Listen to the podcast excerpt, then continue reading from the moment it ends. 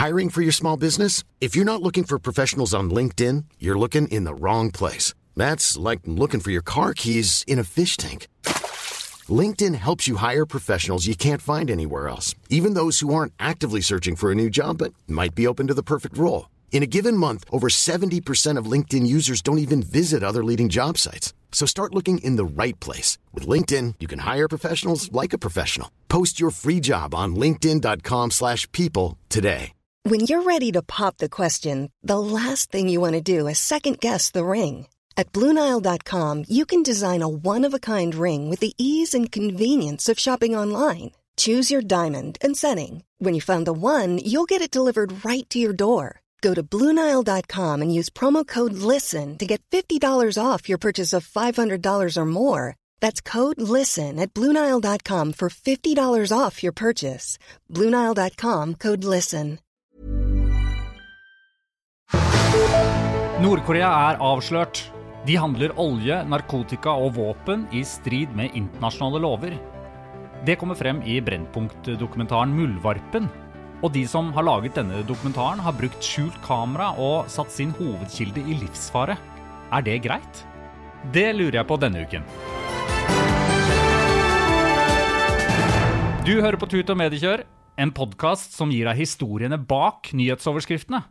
Og hele poenget med det er at du skal skjønne litt mer hvordan nyhetene lages. Jeg heter Christian Lydemar Strander, og velkommen Svein Tore Bergstuen. Hei, hei. Og Eva Sandum. Hei, hei. Vi har jo noe veldig spennende, spesielt og fint på hodet i dag. Alle tre. Merge. Vi har laget oss merch, Ja. som vi har betalt for selv. Er det veldig ungdommelig å si merch? Ja, men vi er jo veldig ungdommelige, vi, da. Ja, men altså, første gang jeg hørte merch, så skjønte jeg det ikke. Når var første gang du hørte merch? Det var uh, datteren min som siden. spurte om hun kunne få noe, få noe merch. Ja. Et eller annet. Det var merch. Skal du, skal du Men Jeg eh, tenkte Merch for meg er mercher. Altså, det er jo en, Ja. en fusjon, uansett, du som hører på, kan, kan vi fortelle hva, at vi har kjøpt oss capper hvor det står tut og mediekjør i svart skrift har hvit vi. Vi legger det ut på Facebook. Ja. Ja, det er veldig stas. Men tanken var vel at uh, det skulle være mulig for lytterne å få tak i sånn merch. Er ikke det hele poenget med merch? Ja, vi Jo. får vurdere det. det Ja, foreløpig er det vi, vi veldig har ikke råd til å gi det bort, i hvert fall. Ja, veldig dyre capper. ja, det var det. det var det. Okay. Vi starter med en liten runde rundt bordet på Er det noe dere har tenkt på denne uken? Eh, Er det noe dere har irritert dere over, eh, grått over, som har stått i Presse-Norge? Jeg har ikke hatt tid. Nei, du har vært travel. Nei, Det var en et veldig ja. mystisk svar. Jeg må jo spørre hvorfor har du så dårlig tid? Nei, jeg har bare lagt Det var en forferdelig ko-ko uke hvor jeg gjorde alt på en gang. Absolutt alt på en gang. ja, for Men du har har fortsatt ikke faktisk- svart på hva alt er? Eller Nei, hva? men det er jobb, da. Han har gitt ut bok, det må vi også gitt ut nevne, bok selvfølgelig. eh, denne uka. Starta selskap. Ja. Det var jo det jeg brukte minst tid på. For jeg hadde jobbet, jeg jobbet ledet noen eh, strategisamling og konferanse og medietrening Nei, Nå skal jeg fortelle om denne boka di, så du slipper å drive egenreklame. Det er jo Ok. også en bok som heter eh, Den profesjonelle samtalen. Det er jo en grunn til at eh, Svein Tore stadig vekk kommer med disse åpent-lukket-spørsmålene på slutten av podkastepisodene våre. fordi at Svein Tore er jo da veldig opptatt av gode spørsmål. Sånn at man skal få gode svar, og det handler denne boka om. Og den har du da skrevet bl.a. sammen med Rak- Raklev, som har jobbet i politiet. Ja. eh, som er fokusert på avhørsteknikk, er det ikke sånn? Det er begge Geir Egil Løken, som er, eh, som er etterforsker i Kripos, og som avhørte Anders Behring Breivik, og Raklev, som har eh, stått for liksom, utviklingen av, av norsk avhørsteknikk. Så vi har skrevet den boka sammen. For alle andre enn politiet. Ja. Har du for, for øvrig betalt eh, annonsepenger i Tut og Mediekjør for å snakke om denne boken? var, dette var annonsestemmen min. Ja, det var det, ja? Ja, Har du ikke hørt på podkast? Da, det er veldig vanskelig å skille mellom annonser og Ja, det er veldig Så vanskelig. nå hadde jeg, tok jeg på meg annonsestemmen. Ja, ja. Denne boka er skrevet av Skal du, du kan legge på en sånn pling, så, Ja. sånn at det blir liksom en annonse. Ja, greit. Ja. Samme det, det er en Pling. pensumbok, da, så det er ikke, den kommer ikke til å rive ned bokhyllene på de vanlige bokhandlerne. Det ligger ikke på den der skred det bordet rett Nei, før ligger, jul. Nei, ligger ikke på ti på topp. Dette er for de Ti på som bunn? Eh, Den der, den der lille kassa i hjørnet, ti på bunn? Okay. Men uh, jeg har tenkt på en ting denne uka her. Jeg, jeg følte litt sånn Jeg ble litt lei meg på vei til jobb en morgen uh, når det slo meg liksom at det, hvor, hvor ble det av liksom, at nyhetene var et slags leirbål? Uh, og grunnen til at jeg tenkte på det, var at eh, jeg føler ikke lenger at eh, eh, jeg og min omgangskrets har de samme referansene på hva som skjer i verden. Altså, Tenker du på nyheter nå? Ja, egentlig. Altså, Leirbøl kan også være de store programmene som alle ser samtidig. og sånn. Det fins jo noen sånne Skal vi danse og Stjernekamp Farmen. og Ja, Farmen, ja. Men uh, det er bare slo meg, fordi jeg har no, noen venner som jeg innimellom spør sånn Har dere noen tanker om saker som vi burde snakke om i, i ukas episode, da? Og så kommer det noen ganger sånn Ja, dere burde snakke om det her. Og så er jeg sånn Hæ? Det har jeg ikke, har jeg ikke fått med meg. Men hva er, det du, hva er konklusjonen din ut av det? Nei, at det er litt sånn eh, det er, det er litt synd på en måte at vi her også har blitt litt sånn ekkokammer. Da. Og det er mulig at jeg er litt spesiell her, men faktisk så har det blitt litt sånn at min inngang til nyheter ofte er eh, sosiale medier. Og da er jeg litt avhengig av at min omgangskrets, da, mitt lille personlige ekkokammer, eh, sender ting i min retning. For det er ikke så ofte at jeg går aktivt inn liksom, på de forskjellige ti nettavisene som jeg eh, abonnerer på for å holde meg oppdatert, for jeg har rett og slett ikke tid til det. Så, for det der begrepet ekkokammer det er jo noe som man snakker om YouTube og sånn, ikke sant? at man blir sendt ned til sånn alt-right, eh, farlig fake news og masse greier. Men jeg føler det litt sånn i livet generelt òg, at det er ikke så ofte lenger at man sitter rundt lunsjen og alle liksom er opptatt av det, den samme saken. Hørte du, Så du Dagsrevyen, eller? Ja. Hvor, hvor bare Geir Liv Valla For sånn var det jo før da jeg var yngre, så husker jeg at jeg liksom følte at alle snakket om Dagsrevyen. hva Jeg som har var- et, um, ja, og jeg har et forhold til dette, fordi da jeg jobbet i TV Norge, så TV Norge hadde en sånn tagline som het 'Det du snakker om i morgen'. Ja, Ja. stemmer Det Og det. var jo basert på at vel, alle så lineær TV. ikke sant? Alle så det samme samtidig. Så når du så noe på kvelden, så snakket du om det i morgen. Og det Ja. gjorde man ofte om disse TV Norge-programmene. Det du snakker om i morgen. Ja. På godt og vondt. Ja. Men det du liksom har erfart, er jo rett og slett det resultatet av at lineær-TV-sendingen, altså vanlig TV-sending, har gått ned de siste ti årene. Og Den som spiller av, så du må se det som går, ikke sant? du må se Ja, det som mm. går, du slår på TV-en og ser det som går, og så, øh, og så ser vi TV på en helt annen måte. Og det skaper jo store utfordringer for TV-kanalen, selvfølgelig. På, Mm. men, men det som er interessant, er at det skapes jo nye såkalte leirbål. Og det, eksempel, og det første store leirbålet, føler jeg, som var ikke-lineært, da, som vi ikke så samtidig, men allikevel ble noe alle flokket til og samlet seg rundt, og kunne snakke om dagen etter, Mm. det var Skam. Ja. For det så du på en annen måte. Eh, ungene, ungene, ja, unge, ung, ungdommer og andre så det da de kunne, men de så det jo med en gang de kunne. Så det ble jo liksom i løpet av eh, ganske kort tid. Men da var det ikke liksom Så du Skam klokka ni i går? Nei, nei. Så du det i, stad, liksom? Ja, Sånn Men noe noe av det- det som bidro til det, var jo også at de slapp episoder fortløpende, ikke sant? Eh, Ja da. og da, da styrer du jo seerne til en viss grad. For det er jo også forskjellen på f.eks. Netflix og HBO sånn overordna. da. At Netflix legger ut hele sesongen, så du kan liksom bestemme deg for å Binge. se hele Ja. Eh, mens HBO oftere har den strategien at det kommer en episode i uka. Ja. Og da blir jo folk litt mer samlet rundt eh, Men episodene. så du, du føler at et leirbål må, må sendes Ideen er jo at det er én ting som sendes der og da, aldri Nei, mer igjen, altså, og så samles jo- man rundt det. Ja, man kan jo si at eh, et moderne leirbål ikke er helt sånn, da. Ikke nødvendigvis er lineær-TV hvor alle sitter klokka ni og ser på det samme. Nei. Men, eh, Det er det jo ikke ikke lenger. Nei, det er det jo ikke lenger. Og det er litt det som, eh, som er i veldig endring, da. Og som jo er fint. Altså, ting er tilgjengelig for oss når det passer, og det, alt det er jo veldig Dagsrevyen er ikke det det en gang var, som det heter. Oi, så gammeldags å si da, Svein Tore. Nei, det er Dagsrevyen som er gammeldags. Å ja, det er det, ja. Men du, ja, nå må jeg bare fordi- Avbryte? avbryte fordi at det er jo ikke helt riktig Fordi under ø, koronatiden mm. vi lever i eh, no, en, en positiv ting har jo nettopp vært at folk har samlet At seg litt mer. At korona har blitt et leirbål. Ja! Korona er jo en felles ting vi snakker om. Ja, Ja, men, riktig, men det, det. det merker jo faktisk også Dagsrevyen. Eh, Ja, Hanna Thorsen, som er redaksjonssjef i Dagsrevyen, eh, var ute med en replikk her i Aftenposten i denne uken, Ja. eh, hvor hun nettopp går litt sånn mot det du sier om at leirbollene er borte. Dagsrevyen er fortsatt der, Ja. sier hun. Altså Over 1,5 million fikk med seg eh, Dagsrevyen-sendingen 15. mars, da Norge eh, Ja, lukket men seg ned. Men alle går til eh, NRK når det skjer store si hendelser. det. Altså, det er jo litt La spesielt. meg Jo, bare jo, det, bryte ned. det, poenget er jo at det er fortsatt leirboll der. Jo, Ja. vi flokker oss rundt ting som er viktige når det skjer, men du kan ikke liksom Ja, 15. mars, da så alle Dagsrevyen. Så poenget er at det, hvem er det leirbål for? Fortsatt. Altså, Dagsrevyen har ca. 600 000 seere. Altså til vanlig. til vanlig. I Ikke, i når det ikke er korona. Når, når det ikke er dagen etter korona, eller stenger det Norge. Men ok, vet du hvor mange av de 600 000 cirka, da, som er mellom 20 og 29 år? Altså er i aldersgruppen 20 til 29, altså unge voksne? Ja, det tror jeg er på linjær TV. Og på linjær, ja. Nei, det tror jeg få. Eh, Ja, av 600 000 så er det ca. 15 000. Hiring for your small business? If you're not looking for professionals on LinkedIn, you're looking in the wrong place. That's like looking for your car keys in a fish tank. LinkedIn helps you hire professionals you can't find anywhere else, even those who aren't actively searching for a new job but might be open to the perfect role. In a given month, over 70% of LinkedIn users don't even visit other leading job sites. So start looking in the right place. With LinkedIn, you can hire professionals like a professional. Post your free job on linkedin.com/people slash people today. Hey Dave, Yeah, Randy. since we founded Bombus, we've always said our socks, underwear, and t shirts are super soft. Any new ideas? Maybe sublimely soft. Or disgustingly cozy? Wait, what? I got it. Bombas. Absurdly comfortable essentials for yourself And for those facing homelessness. because one purchased equals one donated. Wow, did we just write an ad?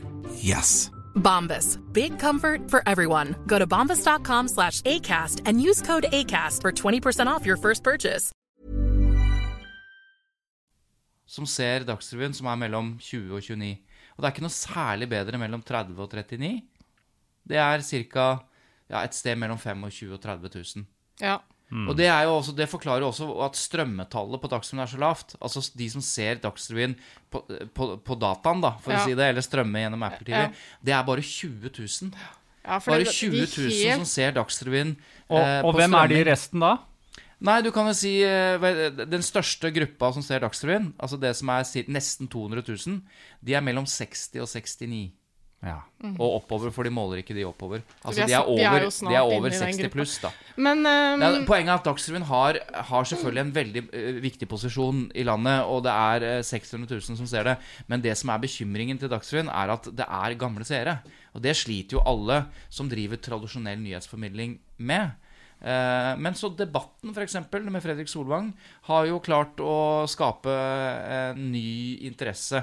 Og der har jeg ikke studert tallene, men, men eh, det er jo også, ja. også yngre. det er mange som ser 21-nyhetene og sånn, men jeg lurer kanskje på om det som er leirbålet innenfor nyheter, faktisk er forsida på vg.no. ja. Ja, men det er ikke noe bål, vet du. Nei, det er bare det er kvistbrann. de- det er gressbrann, det der. Det er bare de fyrer er- opp her og Jeg der. lurer på om de er bevisst den rollen, at eh, det vi legger på vår nettavis, det Mm. er det som liksom blir eh, Men hva skal Dagsrevyen gjøre da? Altså, bør, de bare, eh, bør de bare gi opp? Nei. Skal de fortsette? Fordi det å snu en sånn trend, da, det er jo ikke bare noe Dagsrevyen kan jobbe med internt i en redaksjon. Men du spør meg om å gi et godt råd til Dagsrevyen. Ja. Jeg er rådgiver for TV 2, jeg vet så det er derfor jeg sitter sånn og hetser NRK. Ja, ja, ja, det er jo derfor du må stå litt sånn til ansvar for, det, for den der meggingen din mot Jeg den ser det, for nå har du lagt armene i i Ja, det har du også, ser jeg. Jeg har det. Nå har vi et veldig aggressivt kroppsspråk mot hverandre her. Men vi har tut- og mediekjørcap, i hvert fall. Ja.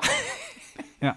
Nei da. Men eh, Dagsrevyen, TV 2-nyhetene, alle som driver tradisjonell nyhetsformidling på TV lineært, har selvfølgelig en kjempeutfordring når lineær-TV-sengen går ned, og de unge ser TV på en annen måte. Punktum. Det er jo ett enkelt grep som kan gjøres, og det er at enkeltinnslagene kan gjøres til, eh, til enkeltinnslag. Som kan fungere litt bedre i sosiale medier og andre kanaler, f.eks. Ja. Istedenfor å legge ut liksom en satsing eh, på 25 minutters sending. på Snapchat-VG-kanalen, altså der de formidler nyheter til de unge, det har jo gått veldig bra, så vidt jeg skjønner. Og der ble vi de tre irriterende som var Ja. på sånn idémøte til Dagsrevyen-redaksjonen. Jeg må bare okay. understreke at de tallene jeg leste fra, de var hentet ut fra uh, Altså, de er eh, ett Fra halvannet år, 2012. halvannet år gamle.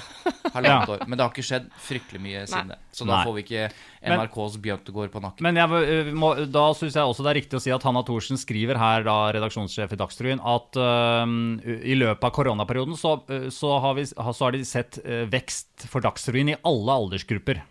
Ikke minst i nettspilleren NRK TV, da. Ja. Så, ja. Ok, Flott. dere, øh, da er vi ferdig med hjertesukk øh, og alt øh, slikt denne ja. uken. Da går vi over på saken.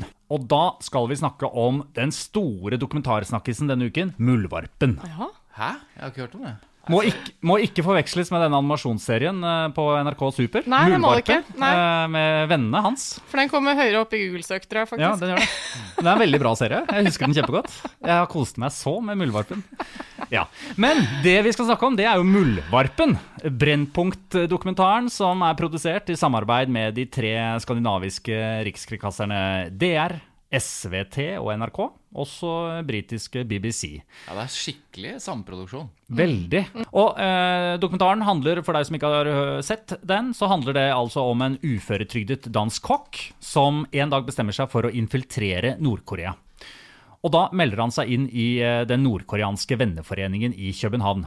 Der blir han i opptil eh, åtte år. Eh, Ti år varer hele dette prosjektet. Og på slutten her så kommer han inn i de mørkeste nordkoreanske hotellrommene og avslører etter hvert et land som skjuler Som i skjul handler olje, narkotika og våpen i strid med internasjonale lover. Og alt filmes med skjult kamera og ledes av den danske regissøren Mats Brygger. Har, du, har, har dere sett dokumentaren? Oh yes. Ja? Altså, nei. Nei? Og Nå følte jeg meg sånn helt på utsida. Ja, men altså, Du Ja, har jo akkurat redegjort for den uka di, så det er, Ja, du, er, du, er til, vært du er eh, tilgitt. trav. Jeg har jo fått det med meg.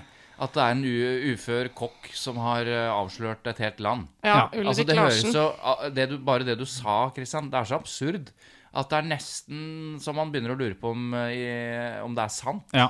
Ja. Og det er det jo noen som har stilt spørsmål ved òg, har jeg ja. sett. Ja, Stilte du spørsmål ved det? Nei, men altså, jeg leste tilfeldigvis et eller annet sted i et kommentarfelt en som uh, redegjorde ganske godt for sin skepsis, da. Uh, litt sånn på bakgrunn av at uh, ja, men det er for proft filma, og det er altfor mye filmet i Ja.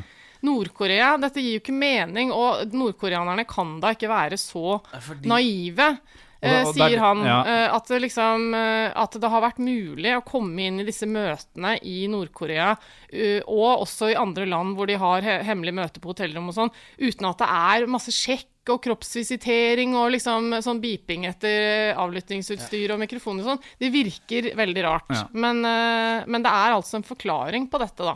For det, at det er jo alle disse spørsmålene jeg har også vanvittig Jeg lurer på veldig mye Ja. til, med den dokumentaren. Hvordan er det lov å bruke så mye skjult kamera som de gjør, hvis det viser seg riktig? da? Eh, Og ikke minst, hvordan er det lov å, å sette sin hovedkilde i livsfare som de gjør i denne dokumentaren? da?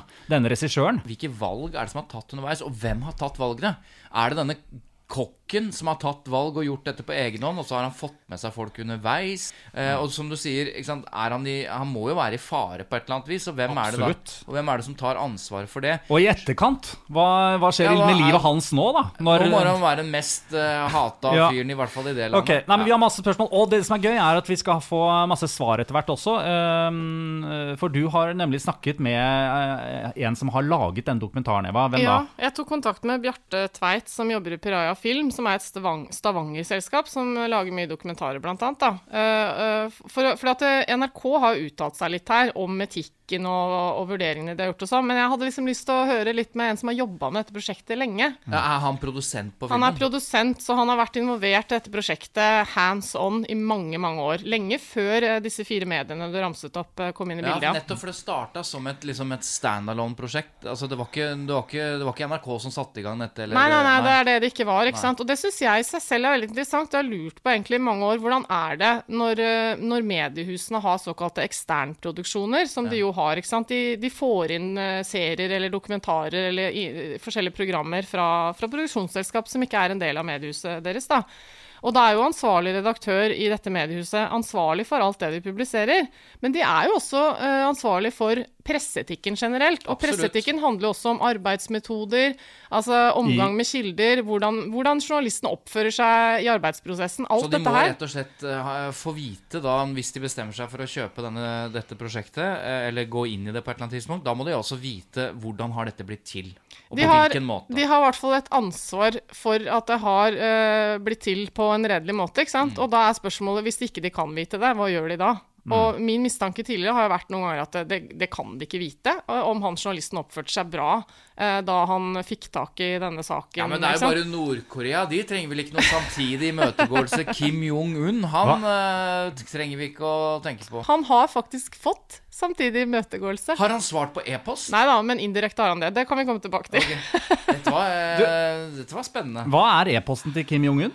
Kim.jong.un? Nei, det er bare At Kim Hotmail. at gmail. Han tok på en måte Nei, han, Kim at gmail. han har nok ikke et amerikansk eh, Google-system for e-posten sin. Nei, men du, dere, eh, men bare aller først, eh, fordi eh, bare fange opp det du sier nå med ekstern i forhold til å, være, å bli produsert i, i et mediehus, da. Ja. Hva slags regler gjelder egentlig for en sånn dokumentar når det gjelder presseetikk? Ja, ikke sant? Altså, En dokumentar er jo et journalistisk produkt, og det, den må følge Vær varsom-plakaten, akkurat som all annen journalistikk. Hvis han skal sendes i Norge. Ja, men, og selv om ikke det dokumentarproduksjonsselskapet er innenfor på en måte, er medlem av Presseforbundet, da. Nei, nei, men Men det er NRK mediet som er publiserer det, som Ja, har det ansvaret. Den som publiserer, eh, må jo følge det. Ja. Men det betyr ikke at produksjonsselskapet som er eksternt, trenger å følge det?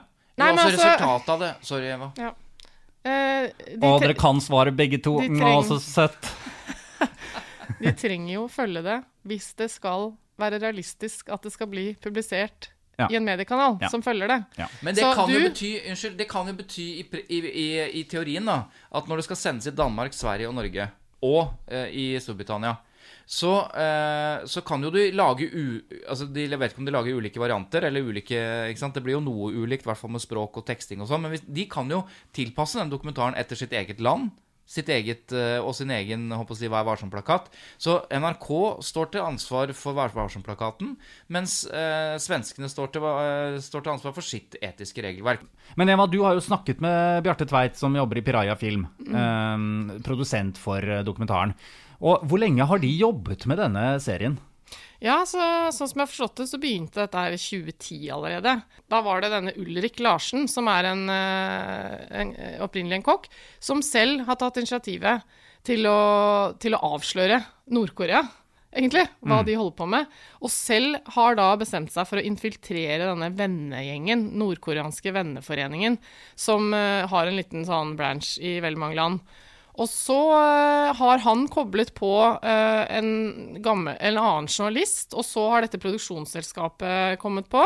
Og så har det jo gått mange år, fordi de har jo ikke ant hva de faktisk skal komme til å avsløre. Og så, etter at de har jobbet veldig lenge med dette, eh, så kobler de jo på mediehus. Og det er jo det som er interessant i forhold til det vi nettopp snakket om. Hvordan kan da mediehusene vite at dette her er ordentlig journalistisk arbeid? Ja.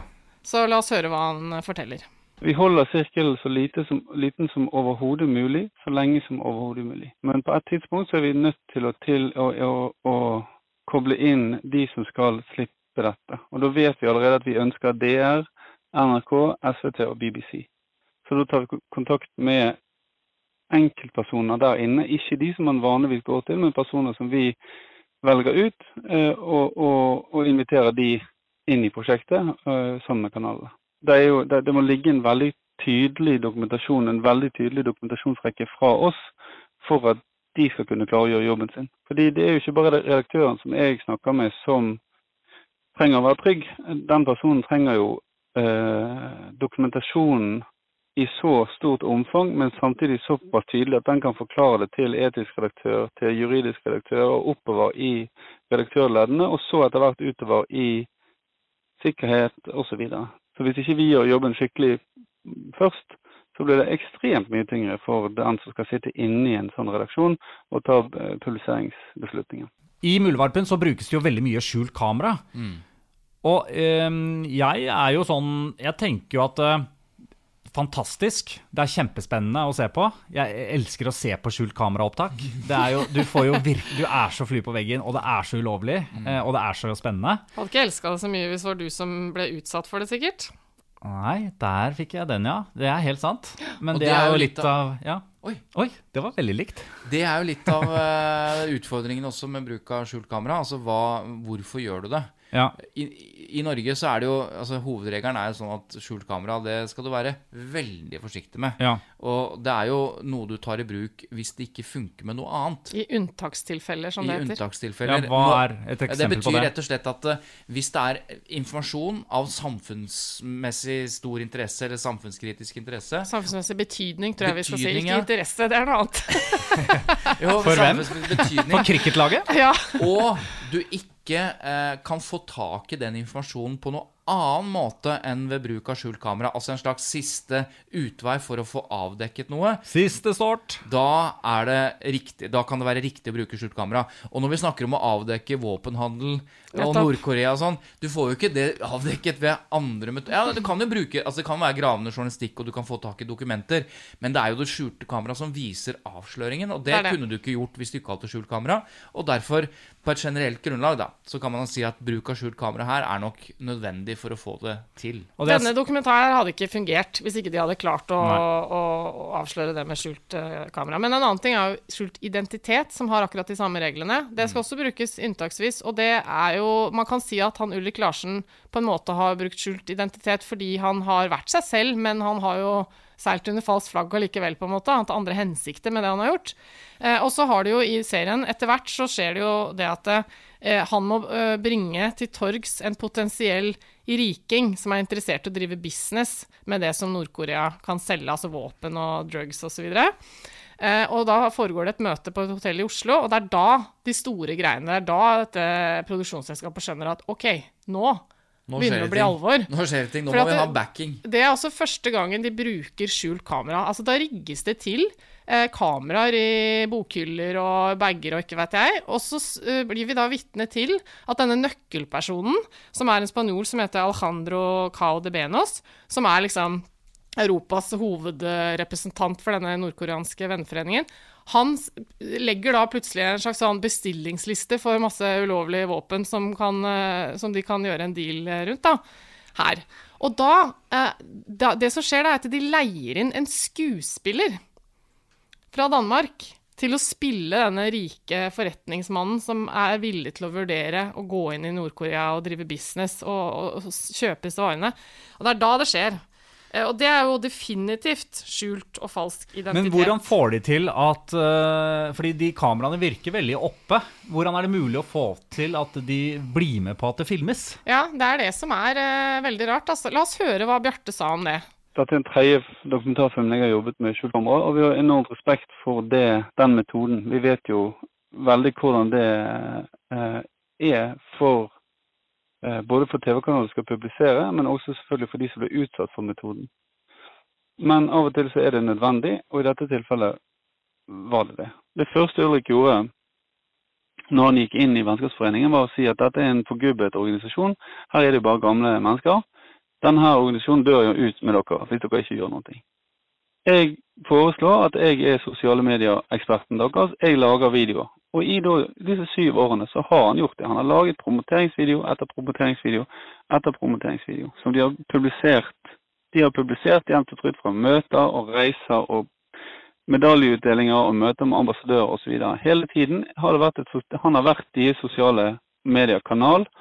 Og det har blitt delt først gjennom venneforeningen i Europa, men så har det blitt delt i, ja, i Argentina, altså alle veier så har disse vært. Så de er jo vant med at han alltid har med seg kamera. Og når det kommer til Nord-Korea, så er det veldig viktig å vite at der var det jo ingen bruk av skjult kamera. Det var jo ikke snakk om i det hele tatt.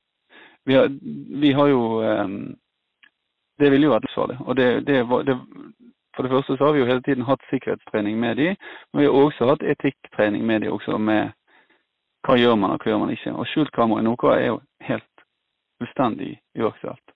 Så det at de så at han hadde videokamera der, det, det ser jeg ikke for så rart i forhold til at når, når han kom på grensen der, at han slapp inn med et videokamera. Det, det gjør jo mange av de som er der som turister. En ting som jeg jo lurer veldig på med denne dokumentaren, er, er dette her med at eh, denne Ulrik Larsen, kokken, han er jo, og, og denne skuespilleren også, som spiller Mr. Mr. James, de er jo i enorm livsfare her. Altså, um, hva slags tanker og, og, og sikkerhet må et produksjonsselskap tenke rundt det?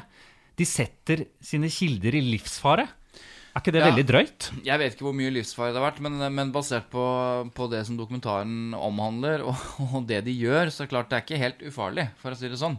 Men, men det er klart, dette går jo i flere nivåer, fordi at eh, det er et stort problem at, at journalister på verdensbasis eh, er i større fare i dag enn de var før. Altså det er, det er et stort problem. Men det er klart, dette her er en type fare Nå snakker vi ikke om krigsjournalistikk eller at du blir kidnappa. Dette er noen fare du utsetter deg selv for. Så spørsmålet er hvem er det som tar de valgene?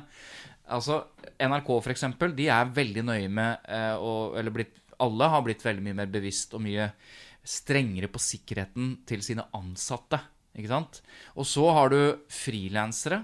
Det, du vil heller, det kan også oppstå situasjoner hvor du ikke vil at frilansere skal ha et oppdrag for NRK i farlige situasjoner, fordi da står de til ansvar. Ikke like mye som ansatte, men allikevel.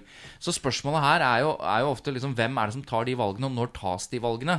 Og, og skal, skal NRK da eh, vurdere etterpå om har han vært i livsfare, og hvorvidt det har noe å si for hvordan de publiserer? Det er noe annet når de avgjørelsene er, er tatt på forhånd. Så, så det, det Ja. er ja. Og, og i dette tilfellet så virker det ut som at eh, Ulrik Larsen, kokken, har jo tatt det valget selv. Ja. Ved at dette vil han. Men jeg må jo også da bare sånn Må en, en, et produksjonsselskap og journalister ta en runde på er, Skal han her egentlig beskyttes litt for, mot seg selv? Altså, hvem vil utsette seg for noe sånt? Men altså, vi må huske på at eh, han Ulrik Larsen, han har med sitt eh, ekte navn, eh, sin ekte identitet, blitt en del av den nordkoreanske venneforeningen. Han har vært i media. Han har eh, holdt å si drevet propaganda, hvis man kan kalle det det, på vegne av denne venneforeningen, og lagd videoer i sosiale medier og sånn, ikke sant. Og han har vært seg selv, sånn at eh, frem til et visst punkt så har jo han på en måte bare gjort det, selv om han eh, for sin egen del har visst at dette, dette er et prosjekt jeg driver med. Men Jeg han har jo ikke og han filmet underveis. Ja, men mye av den filmingen var jo at han fikk ansvaret i denne venneforeningen for å modernisere dem litt. Ja. Og, og liksom få ordet ut og lage noen videoer og sånn. Så mye av disse videotingene som man kan stille litt spørsmål ved hvordan var dette mulig, er ikke dette litt sånn hemmelig opplegg og sånn, hvordan, hvorfor har han fått lov til å filme? Nei, altså han har jo vært en slags sånn sosiale medier-ekspert i denne foreningen. Så det er jo utgangspunktet hans, at han har brukt syv år på å få tillit. Eh, Først lokalt, og så enda litt større nordisk, og så, sant, så blir han eh, en del av denne Men det Eh, jeg lurer på da, er Har han da tenkt det hele tiden? Ja, det Altså, redegjør Ja, han for. Så fra, Mm. fra, han, fra han går inn, så er det dette er et prosjekt. Her skal jeg avsløre Nord-Korea. Ja. Du Jeg tror hele dokumentaren starter med at han forteller at han som ganske ung fikk en motivasjon gjennom et menneske han møtte fra Ja, det har jeg Øst-Tyskland. faktisk- Det har jeg, jeg. ja, det har jeg sett. Så dette var en personlig motivasjon for Hans han. avsmak for totalitære regimer, den Ja. fikk han allerede da han møtte noen barn fra Ja. gamle Øst-Tyskland. Ja. Mm. Ok, Det er liksom Det starten. fikk du med deg fra dokumentaren. Ja, for det, for det var en eller annen som det var, Jeg så et klipp, da, eller et eller annet. Det, var jo, det er akkurat starten, det. Ja, det, var, ja, det var da du lagde middag, og så Ja, mistet du Mac-en Og så oppi sovna jeg. Men la oss høre hva Bjarte fra Piraya Film sier om akkurat det om å sette han Ulrik Larsen eh, i livsfare. I forhold til sikkerhet så har vi jo hele tiden skjønt at idet vi filmer eh, nordkoreanske våpenhandlere med skjult kamera, så utsetter vi teamet og de som er ute i felten for, for fare. Eh, dette er jo mennesker som gjør det med viten og vilje. Eh, Og Ulrik Larsen startet jo denne prosessen helt uten oss, og vi fulgte den prosessen. På et eller annet tidspunkt så må vi jo, vi jo ta et større ansvar jo mer ting som skjer, og ikke minst når vi sjøl bringer inn eh, det man kan kalle en provokatør. Men helt fra begynnelsen så har vi hatt eh, et sikkerhetsopplegg på plass for, for Larsen. Han som heter Jim, som da i, i serien heter Mr. James, han er eksmilitær og ekskriminell. Han mener at det er ingen som er bedre i stand til å ta vare på seg sjøl enn seg sjøl. Så han vil ikke. Han vil motta rådgivning, men han vil ikke motta noe konkret. Uansett hvor mye vi har tilbudt. Altså, Jeg var jo usikker på om denne dokumentaren i det hele tatt var sann. eh, fordi den er, så, den er så spektakulær. Eh, og da lurer jeg på eh, De må jo få bekreftet dette. Altså, Vi ser jo noe på, på skjult kamera, forstår jeg. Eh, men har de fått en eller annen form for respons? Altså, det, Dette her utløser jo i hvert fall samtidig imøtegåelse. Ja, fra Eh, hvem da? Det, hvem er det man kontakter da? Beskyldning, altså Der de faktiske beskyldningene rettes, da. Eh, og det er jo landet. Så det er jo Har de, har de sendt e-post til Kim Jong-un? Ja, Det er i hvert fall rettet henvendelser til nordkoreanske myndigheter eh, via ambassade osv. Så, videre. så dette har absolutt hatt muligheten til å nå frem til eh, myndighetene. Og kommer det, noe reaksjon, kommer det noe reaksjon i det hele tatt eh, fra dem? Eh, Altså, alle som eh, har eh, blitt eh, filmet uten å være klar over det gjennom dette prosjektet som har var- vart i så mange år, har jo før publisering blitt informert om at alt dette her har bare vært falskt, ikke sant? Og alle har fått vite det, og så har de fått informasjon og muligheten til å svare. Men dette redegjør Bjarte bedre for enn meg. Bjarte Han Bjarte, han har delt. stiller opp Han stiller opp. på en lørdag. Så, så la oss høre, for det er en ganske spennende historie, akkurat hvordan de gjorde dette her. Og det skjedde jo ganske nå nylig. Rett før publisering. I, i samtidig imøtegåelsesprosessen her, så var vi jo redd, veldig redd for at de menneskene vi, som vi skulle gi samtidig imøtegåelse, at de kom til å forsvinne. At de de kom til å gå av radaren. At de kom til å eh, Av forskjellige grunner så er det lurt av de å ikke, ikke svare. Og, og, og, og da ble det bestemt at det skulle gjøres på en litt spesiell måte. Så, så de de ufrivillige deltakerne i filmen, eh, f.eks. Alejandro Caro de Benos, han har fått et brev som beskriver hele produksjonen for over en måned siden. Eh, som beskriver motivasjonen vår, som beskriver hva det er vi har undersøkt og dokumentert. Og han har fått en transkripsjon av alle scener der han deltar i. Sånn at han har fått veldig mye, Og ikke minst han har også fått en beskrivelse av konteksten der det fremkommer. Så han har fått veldig mye informasjon i god tid. Eh, som gir han en mulighet til å, å svare på anklagene, men som også, eh, sånn som vi har vurdert, eller sikkerhetsselskapene våre har vurdert, er at idet nordkoreanske våpenhandlere vet om at vi har brukt skjult kamera i ti år og avslører de, mellom det punktet og den, det punktet der det er publisering, det er de farligste tiden for oss som både for deltakerne og for filmskaperne. Så det har vært en enormt vanskelig etisk vurdering. Når går vi ut med det? Hvor tett på um, publisering kan vi, kan vi vente med den samtidige imøtegåelsen for at, for at de skal få en eh, rett til imøtegåelse, men for at ikke vi skal sette mm, oss i for mye fare. Det var jo Bjarte Tveit da, fra Piraya Film. Kristian har bedt meg om å være flink og hele tiden Ja, si hvem du det er vi mener at uh, du sier det så mange ganger. Ja, at det er litt kjedelig å høre det igjen og igjen. Ja. men, Her vil eh, jeg komme med- med en slags uh, faglig kommentar, Kristian. For okay. at vi er jo radiofolk begge to opprinnelig. Ja. Uh, og jeg tror du tenker litt tradisjonell radio. Du vet, Når du kommer inn og hører en radio, lineær-radio for å kalle det det, så tør, oi, oi, hvem er det som snakka nå? Ja, og da blir jeg så irritert når ikke navnet nevnes etterpå.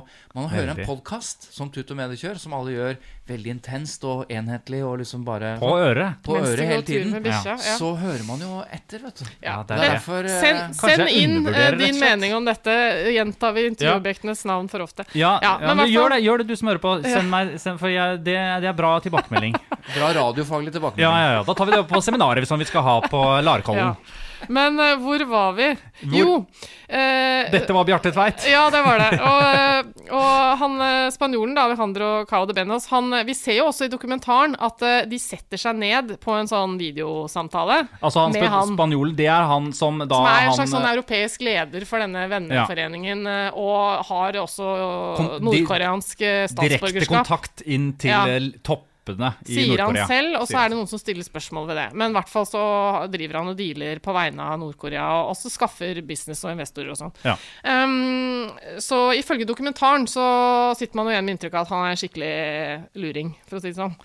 Uh, og han blir jo da konfrontert i dokumentaren, vi ser det. De setter seg ned i et videomøte med han, og da skal jo da denne Ulrik Larsen bare ha et møte med han, som en altså betrodd eh, medkollega, liksom, i den foreningen. Og så sier han 'jeg har noe å fortelle deg', og så forklarer han eh, at alt har vært bare skjult eh, opptak og ikke sant. Jeg, jeg har jobbet med det. Å, vi- nå, nå fikk jeg lyst til å se Og så vi- ser man at han eh, blir litt sånn OK, og så ser du hånda hans liksom begynner å gå opp mot eh, tastaturet, og så går bildet eh, Og så fryser bildet, og så logger han seg av.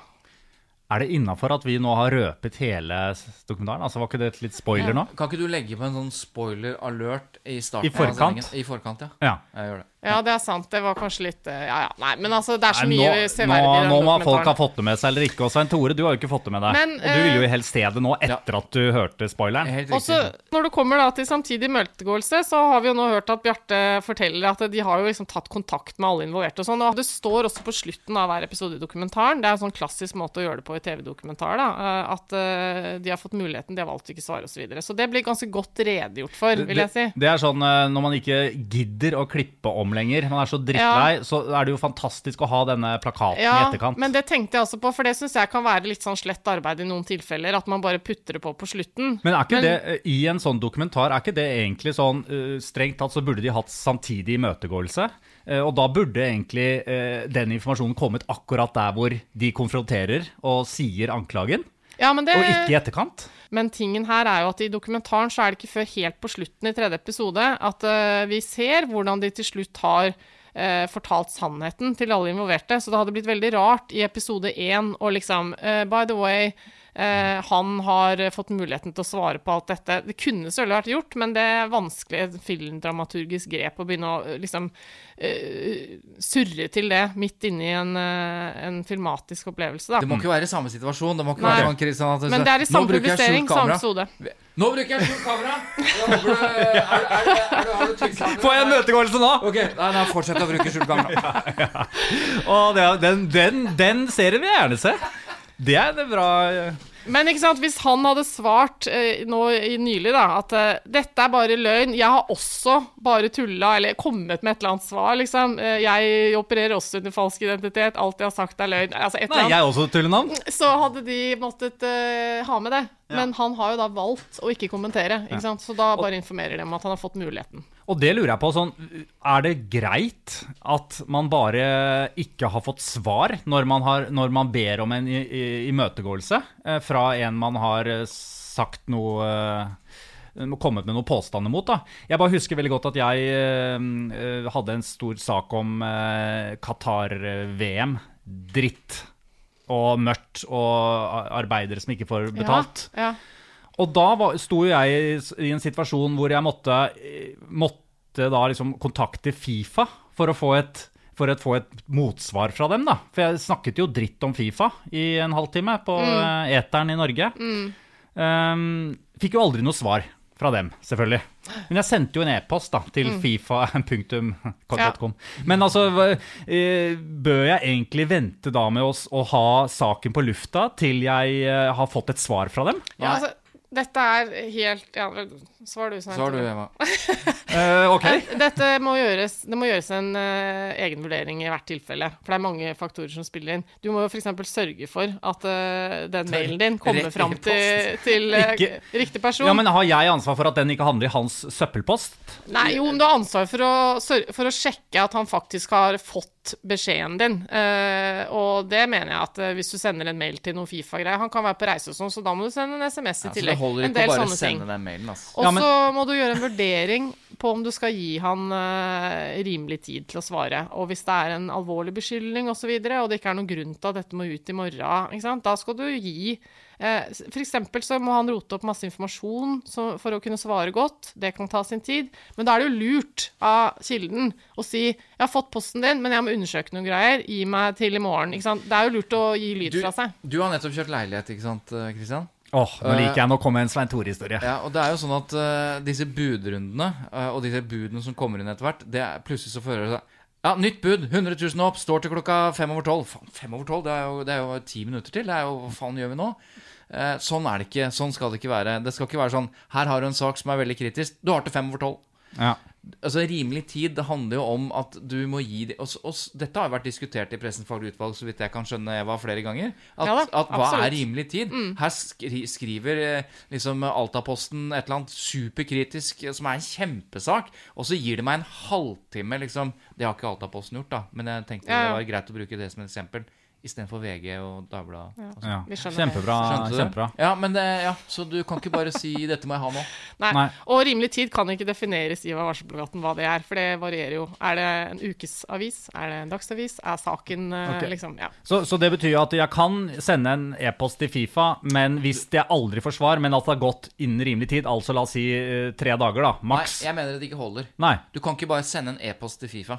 Hvis det er en sak som handler om det du sa, slavearbeid i eh, Qatar, så kan du ikke bare sende av gårde en eh, e-post og håpe at du får svar, og tenke ja, nå har det gått to uker, så du har ikke svart. Da. Du må gjøre mer undersøkelser. Ja, okay. Du må sørge for, som Eva sier, har de fått den e-posten? Du må ringe. Du må, du må gjøre mer innsats for å få en, eh, et tilsvar. Men tilbake til Da må til jeg ta noen telefoner, jeg. Og det brenner lite grann. for å si det. Ja. Men tilbake til muldvarpen. Tilbake til muldvarpen. Det er jo superinteressant at? Her er det jo litt sånn at eh, de må jo gi disse folka rimelig tid til å kunne svare. Det er jo forretningsmenn og rikinger som driver dirty business rundt omkring i Afrika og, og Midtøsten og Nord-Korea og alt mulig sånn. De må få rimelig tid. Samtidig så vet de jo at i det øyeblikket de har blåst at dette er et prosjekt eh, som eh, kommer til å skade omdømmet til alle disse folka som er involvert, så står det jo i potensiell livsfare. La oss høre hva Bjarte sa, for jeg spurte om eh, de da, eh, i, det øyeblikket de begynte å henvende seg til folk for samtidig imøtegåelse, om de måtte gå under jorda.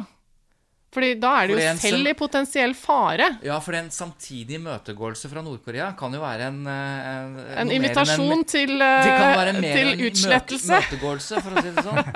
Vi skal gi deg imøtegåelse, vi. Ja, ja, ja. Ja. Ok, det blir spennende. ja, det blir spennende. ja. Ja, la oss høre. Nå hører vi. Da hører vi. Nå hører vi. Nå begynner det. Nei, Vi har ikke gått i dekning, men vi har jo, vi har jo hatt sikkerhetsselskaper inne som har gjort sikkerhetsvurderinger hele veien. Eh, også i forhold til, eh, så har det også vært enormt viktig for oss at det ikke var mulig å stanse produksjonen. Det vil si at vi har hatt, vi har tatt, eh, vi har hatt alt materiale både on og offline i mange byer i flere land. Eh, og vi har hatt eh, utveksling av EDL, sånn at hvis noe hadde skjedd med vårt klipperom, enten ved at noen hadde prøvd å stoppe oss, eller ved at et eh, en brann eller noe, så kunne på en måte ikke Det hadde ikke stoppet produksjonen for, fordi vi kunne fortsatt der vi slapp likevel. Så vi har jo tatt mange forskjellige hensyn, da, både i forhold til det, det sikkerhetsmessige, men også det produksjonsmessige, fordi at det har vært en Det opplevdes jo som mulig forskjellige farer her, på en måte.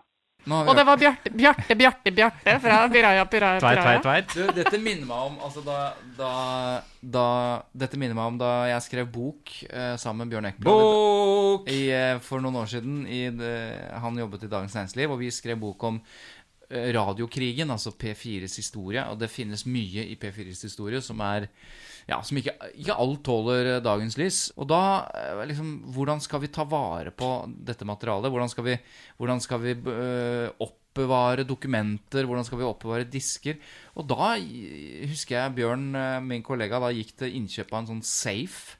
Eh, eller om det var en safe på kontoret, og putta ting inn der. Og vi syntes vi hørte at vi hadde Vi lurte på om vi ble avlytta på et eller annet tidspunkt. Altså, du, du blir ganske konspiratorisk når du jobber med ganske sensitive ting. Fordi du er veldig opptatt av ikke, ja, at ikke ting skal komme på avveie. Var det sånn bitte liten rød safe som du får på riktige leker? Ja, Dere kjøpte inn? vi hadde hver vår nøkkel eh, av plast. Rundt halsen? Så til slutt så ble jo alle Sånn dokumentene stjålet, da. Og det var jo det som var Så dere fikk aldri ut dokumentene for dere mistet nøklene? riktig. Ja. Ok.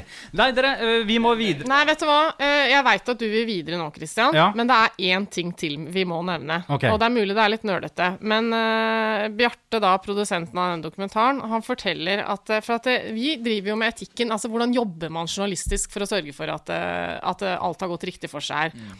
Når et prosjekt har foregått i så mange år, hvordan kan da disse fire mediekanalene være sikre på at alt har gått riktig for seg? Ja. Journalistisk, presseetisk, eh, i forhold til metode.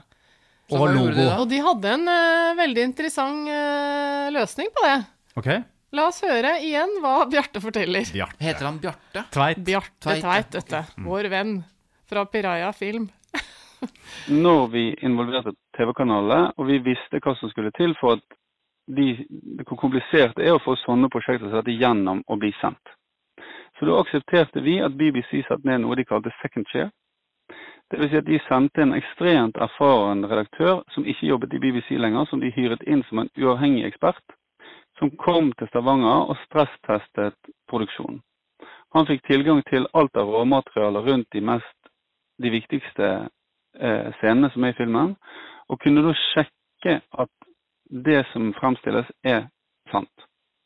Han hadde tilgang til absolutt alt. Alt av korrespondanse rundt det, alle råopptak, alt mulig. Han fikk ikke ta det med seg ut, men han fikk lov å være der og se det.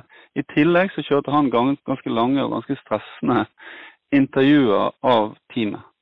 Deriblant meg i forhold til etikk, i forhold til erfaring, i forhold til perspektivene vi hadde på, det, på dette. Og dette syns jeg er veldig interessant å høre, for at øh, jeg tror det er veldig uvanlig. Mm. Det er jo kommet råd i det siste om at liksom, når det er vanskelige etiske saker øh, hvor man lett kan bli litt sånn blinde, så er det lurt å ha en sånn second opinion, en djevelens advokat. An, liksom Sette inn et eksternt team som kan vurdere alt vi gjør og sånn. Dette er diskutert i pressen om dagen. Jeg har aldri hørt en så konkret løsning på det. Men da er jo dette et kjempegodt råd til, og tips og vink til redaksjoner. Å få inn en second redaktør ja, som kan hjelpe til? I store medier så er det fullt mulig å gjøre liksom inhouse, ja. eller bare med ja, en samarbeidende redaksjon. Men i små lokalaviser er det litt vanskeligere, vet du. Ja. De er ikke så store. Men det, det, går an å finne løsninger. Absolutt. Mm. Da går vi videre til uh, ungdom og kildekritikk. Oh, den tittelen der, den er, uh, den er tung. Det høres ut som uh, også et sånt valgfag ja.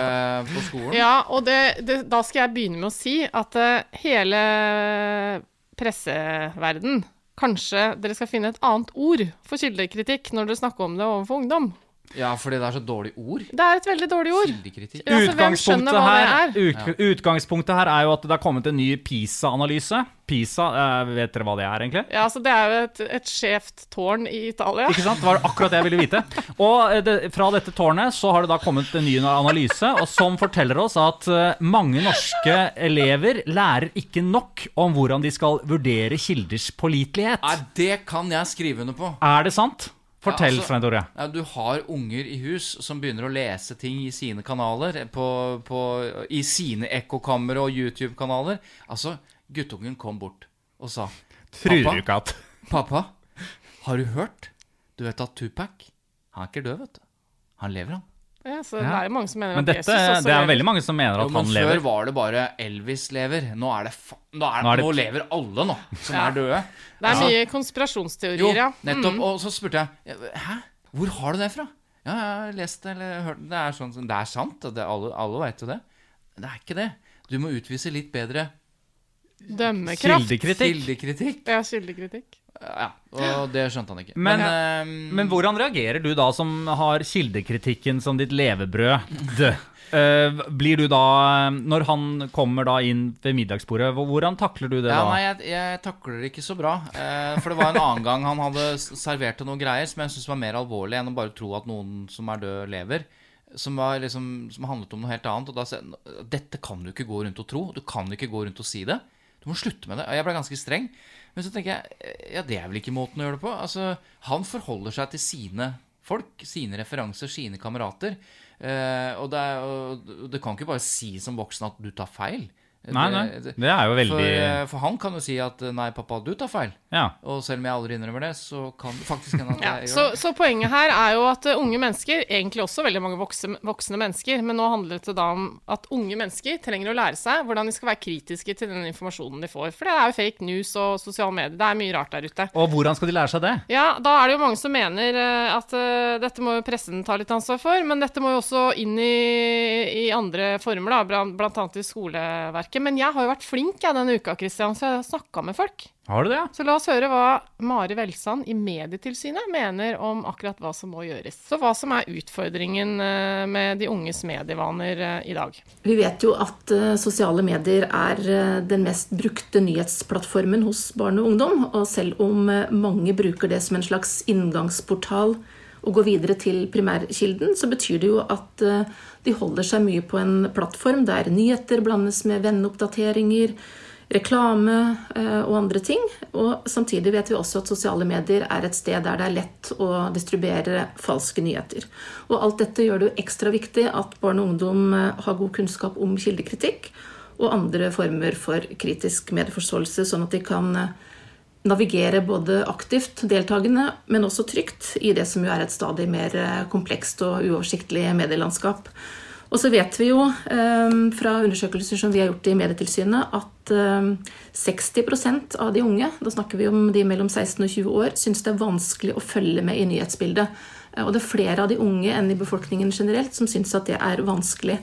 Og de unge bruker færre kilder for å forstå en eh, nyhetssak enn det befolkningen generelt gjør. Og bruker du færre kilder, så har du også en eh, mindre sjanse for å få med deg helheten. Og så understøtter jo denne PISA-analysen som ble kjent eh, denne uken, at eh, de fleste norske 15-åringer ikke gjør reelle vurderinger av om en tekst er troverdig. Og det betyr jo da at det er større sjanse for at de ikke forstår, f.eks. For når det er noe som ikke er sant, eller det er en tekst som har en annen hensikt kanskje enn bare det å informere.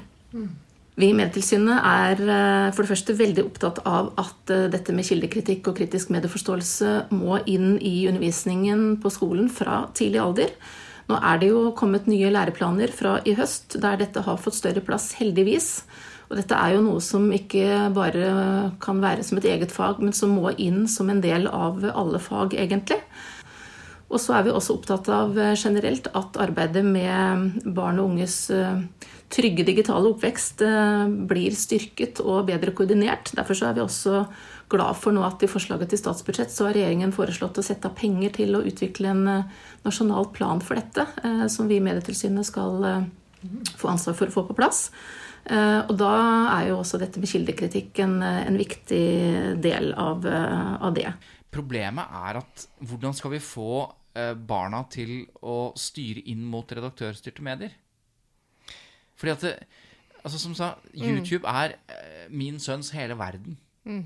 Det, det, er der informasjonen kommer fra. Ja, og det er jo litt av grunnen til at eh, mange av mediene prøver å lage ungdomsvennlige medieprodukter. ikke sant? Jeg kan jo liksom kjenne at jeg blir litt sånn oppgitt over at eh, alle skal på Snap Snapchat og, og liksom forenkle og tabloidisere nyhetene ja, veldig. Men noe sånn. i den retningen må man. Ja, man kan ikke sitte på sin høye hest og si at ja, barna må komme til oss. Nei. La barna komme, til, komme til oss. Ja. Du, må, du, må, ut på de plattformene hvor de er, tror jeg. Og da oppstår selvfølgelig andre problemer ved at du begynner å gi bort stoffet ditt, enten det er Facebook eller YouTube eller hva det er. Men du må finne en eller annen måte å treffe barn på med redaktørstyrte medier, med kvalitetssikret innhold. De, sånn at ikke de løper rundt og sier at alle lever. De vil ikke da. sette seg ved det der varme leirbålet ditt Eva. Nei, og prøv da å få dem til å betale for god journalistikk. Nei, det må vi gjøre for dem, da. Vet du hva? Eh, ja, Sønnen min kom til meg her om dagen og lurte på om uh, jeg syntes det var greit at han betalte 100 kroner i måneden for å abonnere på en YouTuber. Ja, ikke sant? Som skal ha en hundrings. Altså det er 1200 kroner i året, det. For at han skal ha tilgang ja, til hans innhold. Så sa jeg, vet du hva vi betaler for å ha uh, tilgang til avisene, liksom? Det er billigere, noen av dem, enn det. Uh, altså, Du kan ikke bruke 1200 kroner på å få lov til å høre på en YouTuber. Du bruker jo 35 000 på å abonnere. Skal ikke guttungen få lov til å bruke 1200 på noe? Nei. Og synes jeg det var dritkjipt. Så han endte opp da med et abonnement på Filter nyheter, han òg? Ja, les Aftenposten Junior, sa jeg da.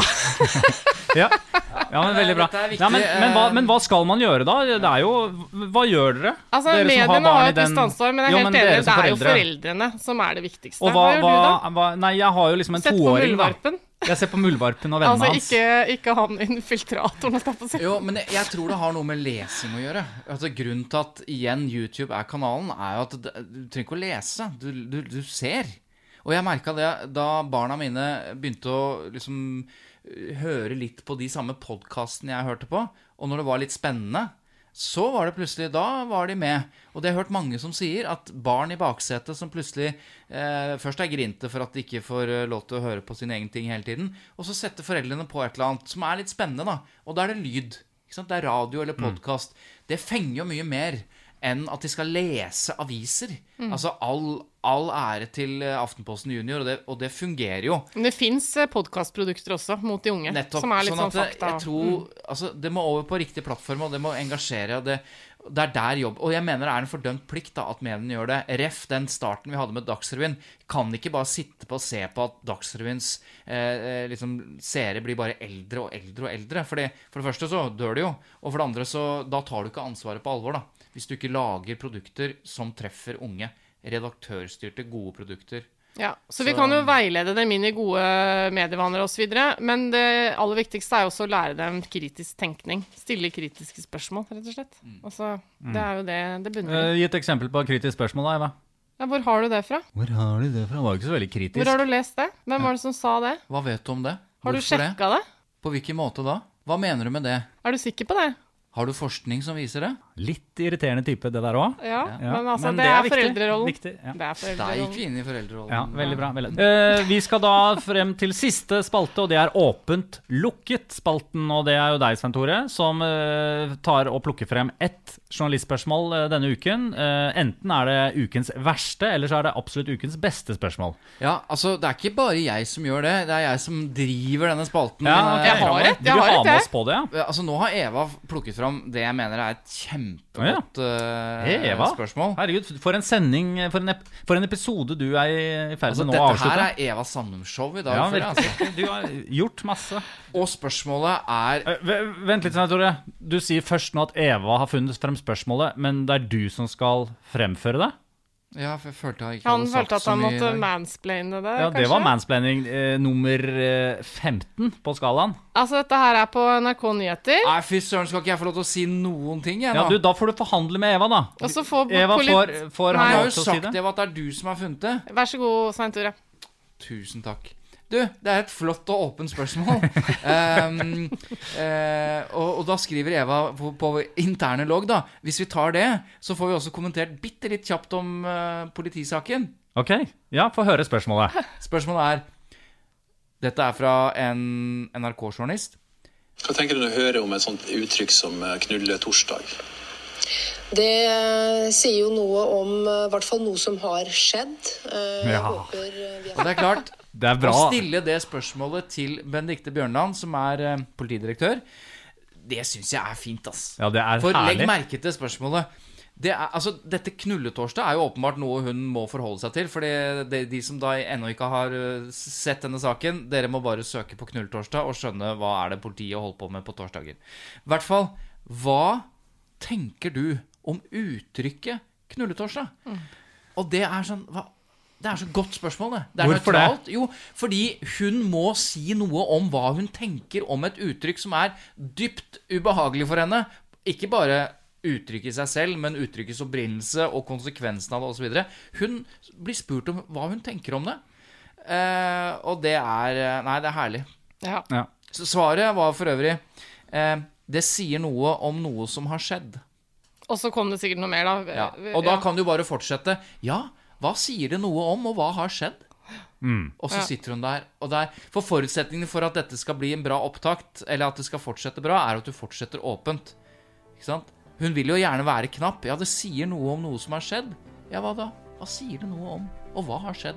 Uppety, uppety, uppety. Ok, dere, vi avslutter her. Eh, Tut og mediekjør er over for denne gangen. Jeg heter Christian Lydemar Strander, og du heter Hva heter du igjen, Eva? Eva Sandum Og du heter Svein Tore Bergestuen. Ja, fint. Og Lyder Produksjoner har laget denne episoden og hele serien. Og tusen takk til Fritt Ord for penger. Ja. Og så er vi tilbake igjen neste lørdag.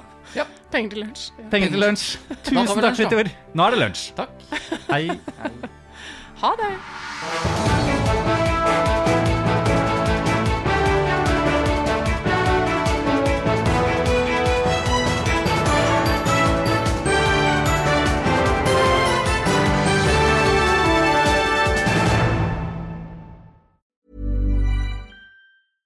Flexibility is great. That's why there's yoga. Flexibility for your insurance coverage is great too. That's why there's United Healthcare Insurance Plans. Underwritten by Golden Rule Insurance Company, United Healthcare Insurance Plans offer flexible, budget friendly coverage for medical, vision, dental, and more. One of these plans may be right for you if you're, say, between jobs, coming off your parents' plan, turning a side hustle into a full hustle, or even missed open enrollment. Want more flexibility? Find out more about United Healthcare Insurance Plans at uh1.com. When you make decisions for your company, you look for the no brainers. And if you have a lot of mailing to do, stamps.com is the ultimate no brainer. It streamlines your processes to make your business more efficient, which makes you less busy. Mail checks, invoices, legal documents, and everything you need to keep your business running with stamps.com.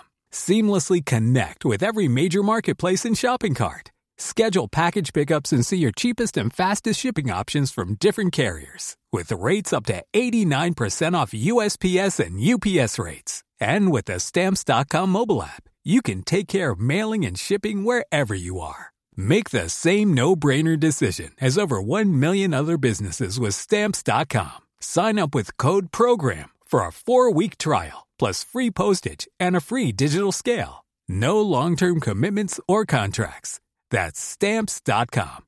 Code PROGRAM.